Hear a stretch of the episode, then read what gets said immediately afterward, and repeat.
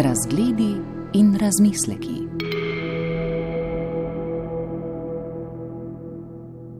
Ko smo konec januarja obiskali Pročido, najmanjšega od flegrejskih otokov z deset tisoč prebivalci, smo pričakovali ognjemet, dočakali pa samo predstavitev priložnostne znamke. Epidemija je začetek dogajanja preložila na pomlad, kljub temu pa so snovalci letošnje italijanske kulturne prestolnice, kot je njen izvršni direktor Agostino Ritano, optimistični. In realtà i progetti sono 44, questi 44 progetti generano poi una... Eh, Na programu imamo 44 projektov, s katerimi bomo ustvarili približno 150 dogodkov. Razporejeni bodo v obdobju 300 dni. Sodelovali bodo umetniki iz 45 držav sveta. Kar torej pričakujemo, je veliko pozornosti do različnih panog, ki jih bomo razvili. Programa namreč nismo oblikovali po zvrsteh, zato ga ne delimo v filmskega, gledališkega ali literarnega. Namesto tega razvrščamo dejavnosti po področjih, kot so odkrivanje, prenavljanje in vključevanje. V skladu s tem tudi želimo razumeti kulturo. Ne gre torej samo za dogodke, ampak predvsem za vzpostavljanje vezi. Ne samo ena questione legata allo spettacolo, ma soprattutto una questione di legami. Direktor Ritano na to predstavi dinamiko kulturne prestolnice. Marčnemu začetku bo sledilo intenzivno pomladno dogajanje, ki pa se bo s poletno turistično sezono umirilo. Jesen bo na to prinesla novo zgostitev. Ai cacciatori dei grandi eventi diciamo che noi non Tistim, ki lovijo le velike dogodke, sporočamo, da pri nas ne bo lovišča zanje. Nočemo, da bi otok postal nekakšen Disneyland kulturnih dogodkov. Nasprotno, prizadevamo si zlasti, da bi utrdili lastno kulturno identiteto. Al contrario, cercheremo di rafforzare la nostra identità culturale. Kultura v širokem pomenu besede, torej župan Pročide Dino Ambrosino.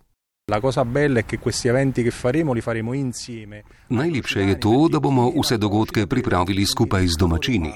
Kdor bo prišel na pročido, mora začutiti tudi našo toplino. In to je dodana vrednost, zaradi katere postanejo počitnice v kraju, kot je ta, nekaj posebnega.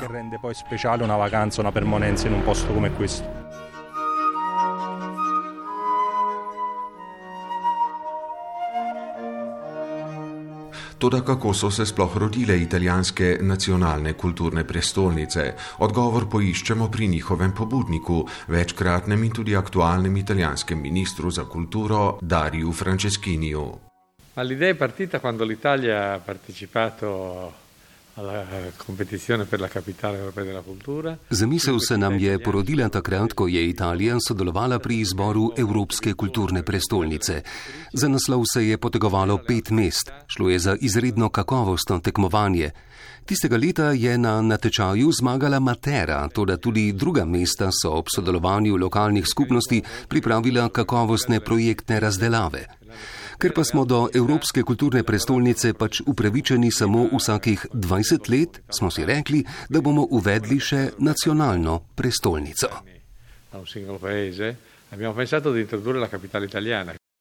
In tako se je nacionalna prestolnica v svojem prvem letu razdelila med vse evropske poraženke. Leta 16 jim je sledila Mantova, nato Pistoja, Palermo, Parma in nazadnje Pročida. Beh, ogni anno partecipano le città in modo convinto, cresce sempre la qualità della progettazione. Kraji se vsako leto prepričano podajajo v bitko, iz leta v leto tudi raste kakovost predstavljenih projektov. Že uvrstitev med najboljših deset je postala uspeh, kot da bi kandidirali za Oskarja. Seveda je pomembno zmagati, toda mesta se hvalijo že z uvrstitvijo v finale.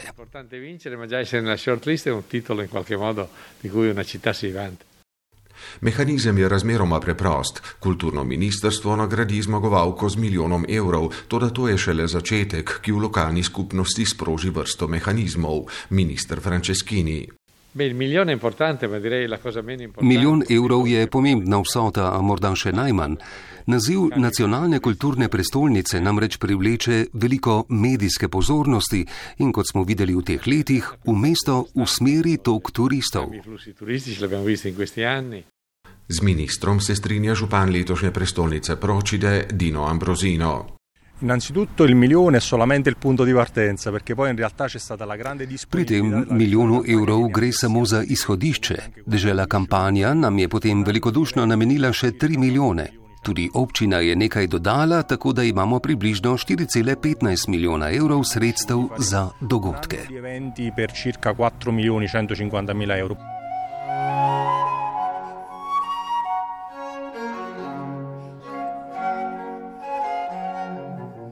Toda pustimo za trenutek dogodke ob strani in se vprašajmo, kaj sploh ponuja letošnja italijanska kulturna prestolnica.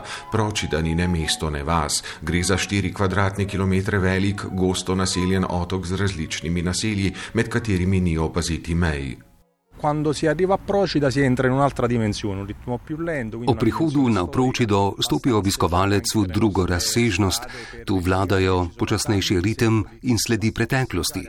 Če se boste sprehodili po ulicah, boste zaslišali zgodbe številnih stoletij. Eh, Turizem, zlasti kulturniški, pa je tu še v povojih, župan Ambrosino. Partivamo un po' arretrati, un po' in ombra rispetto alle altre isole più nuove. Začeli smo bolj pozno in v senci bolj znanih sosednjih otokov Iskije in Kaprija. Toda zamudo smo v veliki meri nadoknadili, saj naš otok zdaj zanima mnoge, ki ga morda prej sploh niso poznali. Pročidi so blagostanje doslej zagotavljali pomorci. Ena od značilnosti otoške morale je zato izrazit matriarhat, ki se je ob očitni odsotnosti moških razvil na otoku, do te mere, da celo znamenito več stoletij staro pročitsko nautično šolo vodijo ženske. Prav tu še danes vzgajajo bodoče kapitane. Pomorce z pročide cenijo največji ladjarji sveta, nam pove pomočnica ravnateljice tukajšnje pomorske šole Chiara Lubrano. Allora, Procida ha sempre considerato il mare non come un limite, ma eh, esattamente il contrario, come Na Pročidi nikoli nismo razumeli morja kot oviro, ampak prav nasprotno. Morje je za nas pot, po kateri nenehno stopamo v odnose z drugimi ljudstvi. Tako folklora kot narečje vsebujeta vrsto tujih vplivov na pročidsko kulturo. Zato so zaslužni predvsem pomorci, ki so znali preseči našo otoškost. Živimo torej na otoku, ki pa je bolj razprt v svet kot kakšna običajna pokrajina.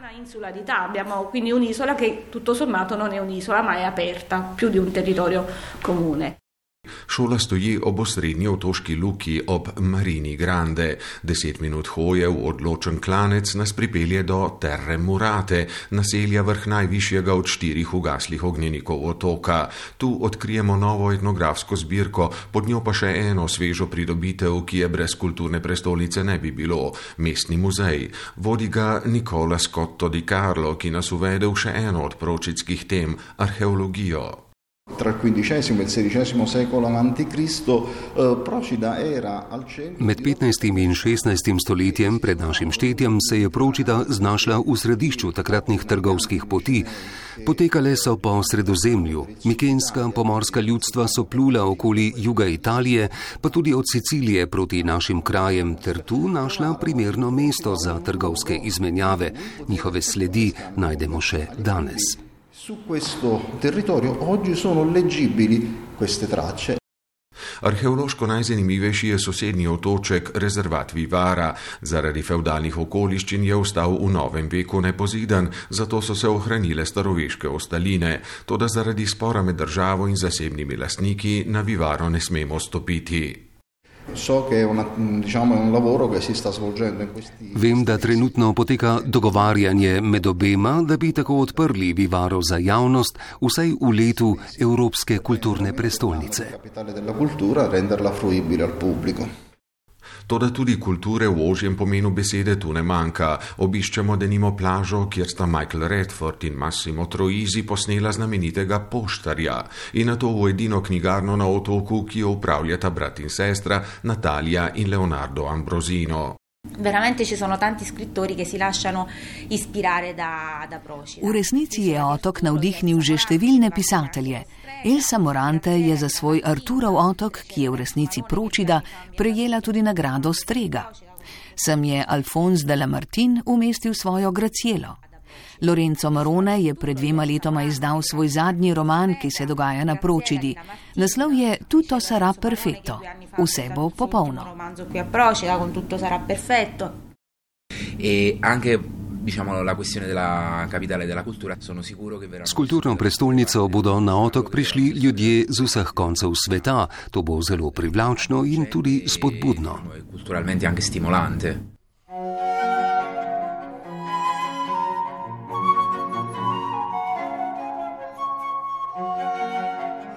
Največji dragul otoka je palača renesančne družine Davalos.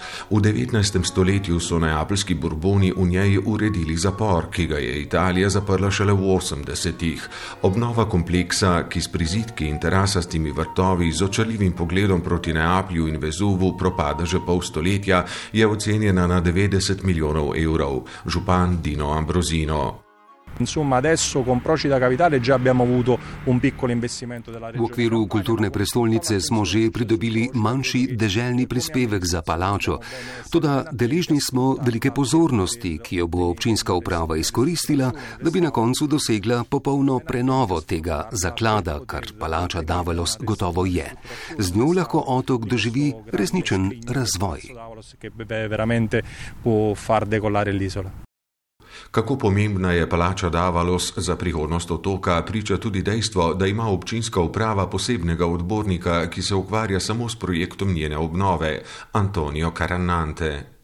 Perché poi ovviamente il nostro obiettivo non è quello di creare un bene solo con i soldi pubblici.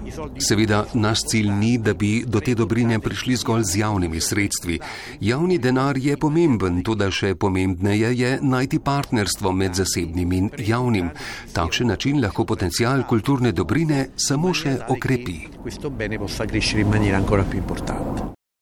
Odbornik Karanante mimo grede doda, da naj bi del poslopja postal hotel z 200 posteljami. Potreben bo kakšen kompromis, meni, če naj k projektu privabijo dovolj močne zasebne partnerje. To, da celoten kompleks naj bi bil predvsem odprt za potrebe otočanov.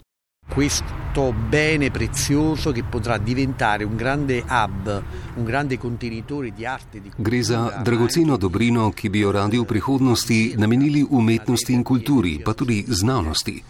Tu ne bi nastalo središče za trajnostne energetske raziskave. Zato bomo seveda potrebovali različna dodatna financiranja. Upamo, da jih bomo tudi dobili. Vsekakor je pot, ki se nam s tem odpira, zelo zanimiva.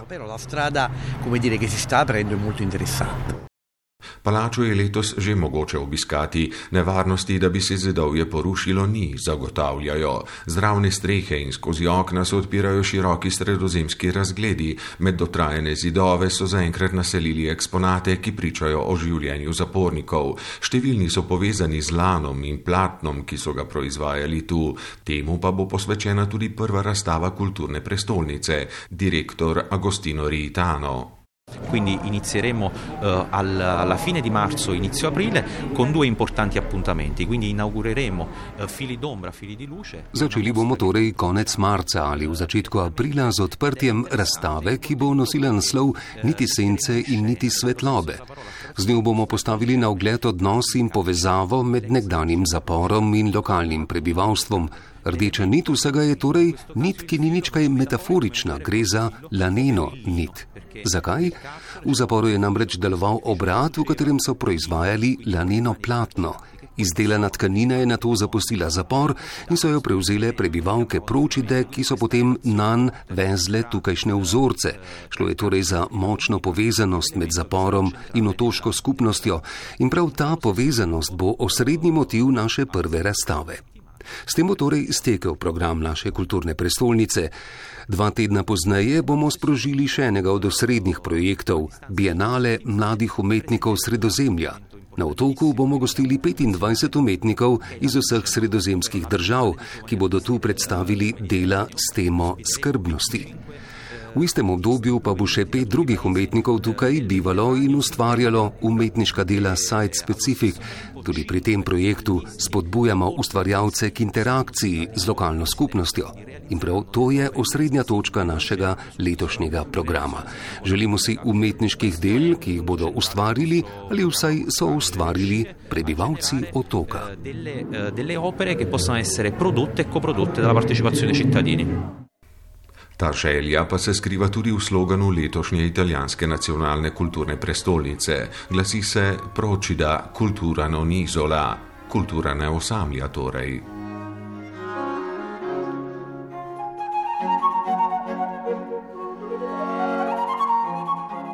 Poglejmo še v preteklost. Prejšnja italijanska kulturna prestolnica Parma se je začela tik pred pandemijo. Mesto je na to obdržalo naziv dve leti, pač zaradi epidemijskih ovir. Eden od srednjih odločevalcev je bil tam parmski občinski odbornik za kulturo Michele Guerra. Allora, credo che Parma alla fine di questi due anni abbia ottenuto, grazie a Capitale Italiana della Cultura, una maggiore consapevolezza. Mislim, da je Parma v dveh letih italijanske kulturne prestolnice predvsem bolje dojela, kako veliko vlogo lahko igra kultura pri razvoju skupnosti kot takšne. Pandemija nas je prisilila, da se vrnemo k izhodiščnemu premisleku o tem, kaj kultura v našem mestu sploh je. Na koncu smo se zavedali, kako zelo pomembno je sodelovanje in solidarnost med vsemi, ter kako lahko kultura postane tudi oblika pomoči meščanom. Po dveh letih lahko rečem, da smo izpeljali več kot tisoč različnih projektov. Uspelo nam je rešiti 80 odstotkov dejavnosti in finančnih sredstev, ki nam jih je prinesla kulturna prestolnica. Konec koncev pa zdaj tudi živimo v mestu, ki je dojelo, da je lahko kultura ključ rešitve v težkih časih problemov in napetosti, ki jih je sabo prinesla pandemija.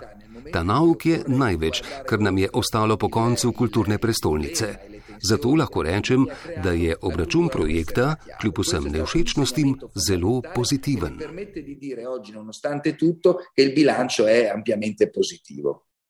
Med letošnjo pročido in lansko parmo je seveda težko vleči primerjave. Če gre pri pročidi za domala podeželsko okolje manj razvitega juga v specifičnih otoških okoliščinah, pa je parma eno gospodarsko najbolj razvitih mest severa države. Po zaključku nacionalne kulturne prestolnice v tem mestu je zato premisleka vredna predvsem finančna konstrukcija celotne operacije, kakor se je razvila iz začetne donacije v višini milijon evrov, ki jih izbranim mestom, kot smo povedali v začetku, nameni culturno ministrstvo, odbornik Michele Guerra.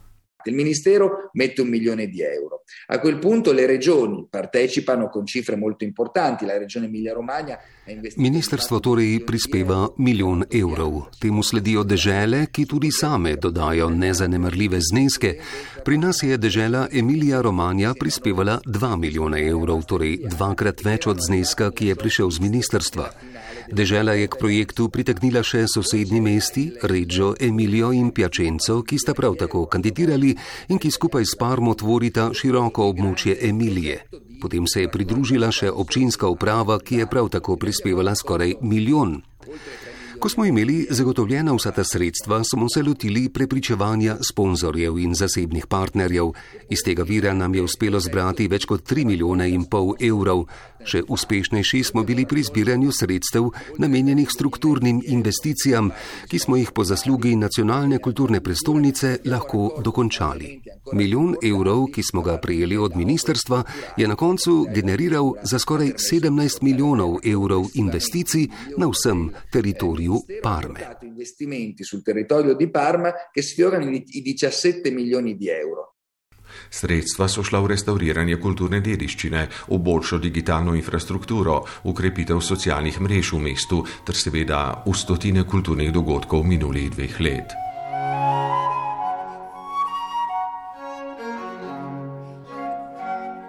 Pod črto, nacionalne kulturne prestolnice so za državo poceni, podeljeni naziv pa sproža več koristnih procesov, kot so spletanje javno-zasebnih partnerstev, čvrsto povezovanje kulture z okoljem ter široka medijska pozornost, ki usmerja tudi tok turizma. Vsekakor vredno premisleka.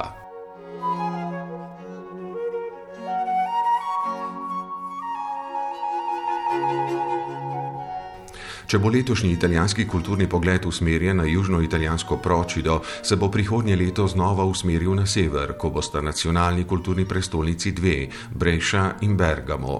Uradni Rim hoče s tem postaviti v, upajmo, poepidemijski fokus ravno simbolni mesti trpljenja zadnjih let. Italijanska kulturna politika pa ob tem ne pozablja na Novo Gorico in Gorico, evropsko kulturno prestolnico leta 2025, zato čisto za konec še pogled v obmejni prostor, minister Dario Franceschini. Beh, una bellissima storia, veramente una storia europea, una storia di incrocio dei popoli. Di... Tu gre resnično za zelo lepo evropsko zgodbo o križišču med narodoma. Menim, da se naša naroda dobro poznata, se imata rada in se spoštujeta, ter v tem smislu predstavljata dokaz evropske integracije. Zid, ki je tam stal še pred nekaj desetletji, je postal zdaj povod za stike in srečanja. In to je res lepo. Adesso diventa un motivo di unione, di, di, di incontro, quindi veramente una bella cosa. Razgledi in razmisleki.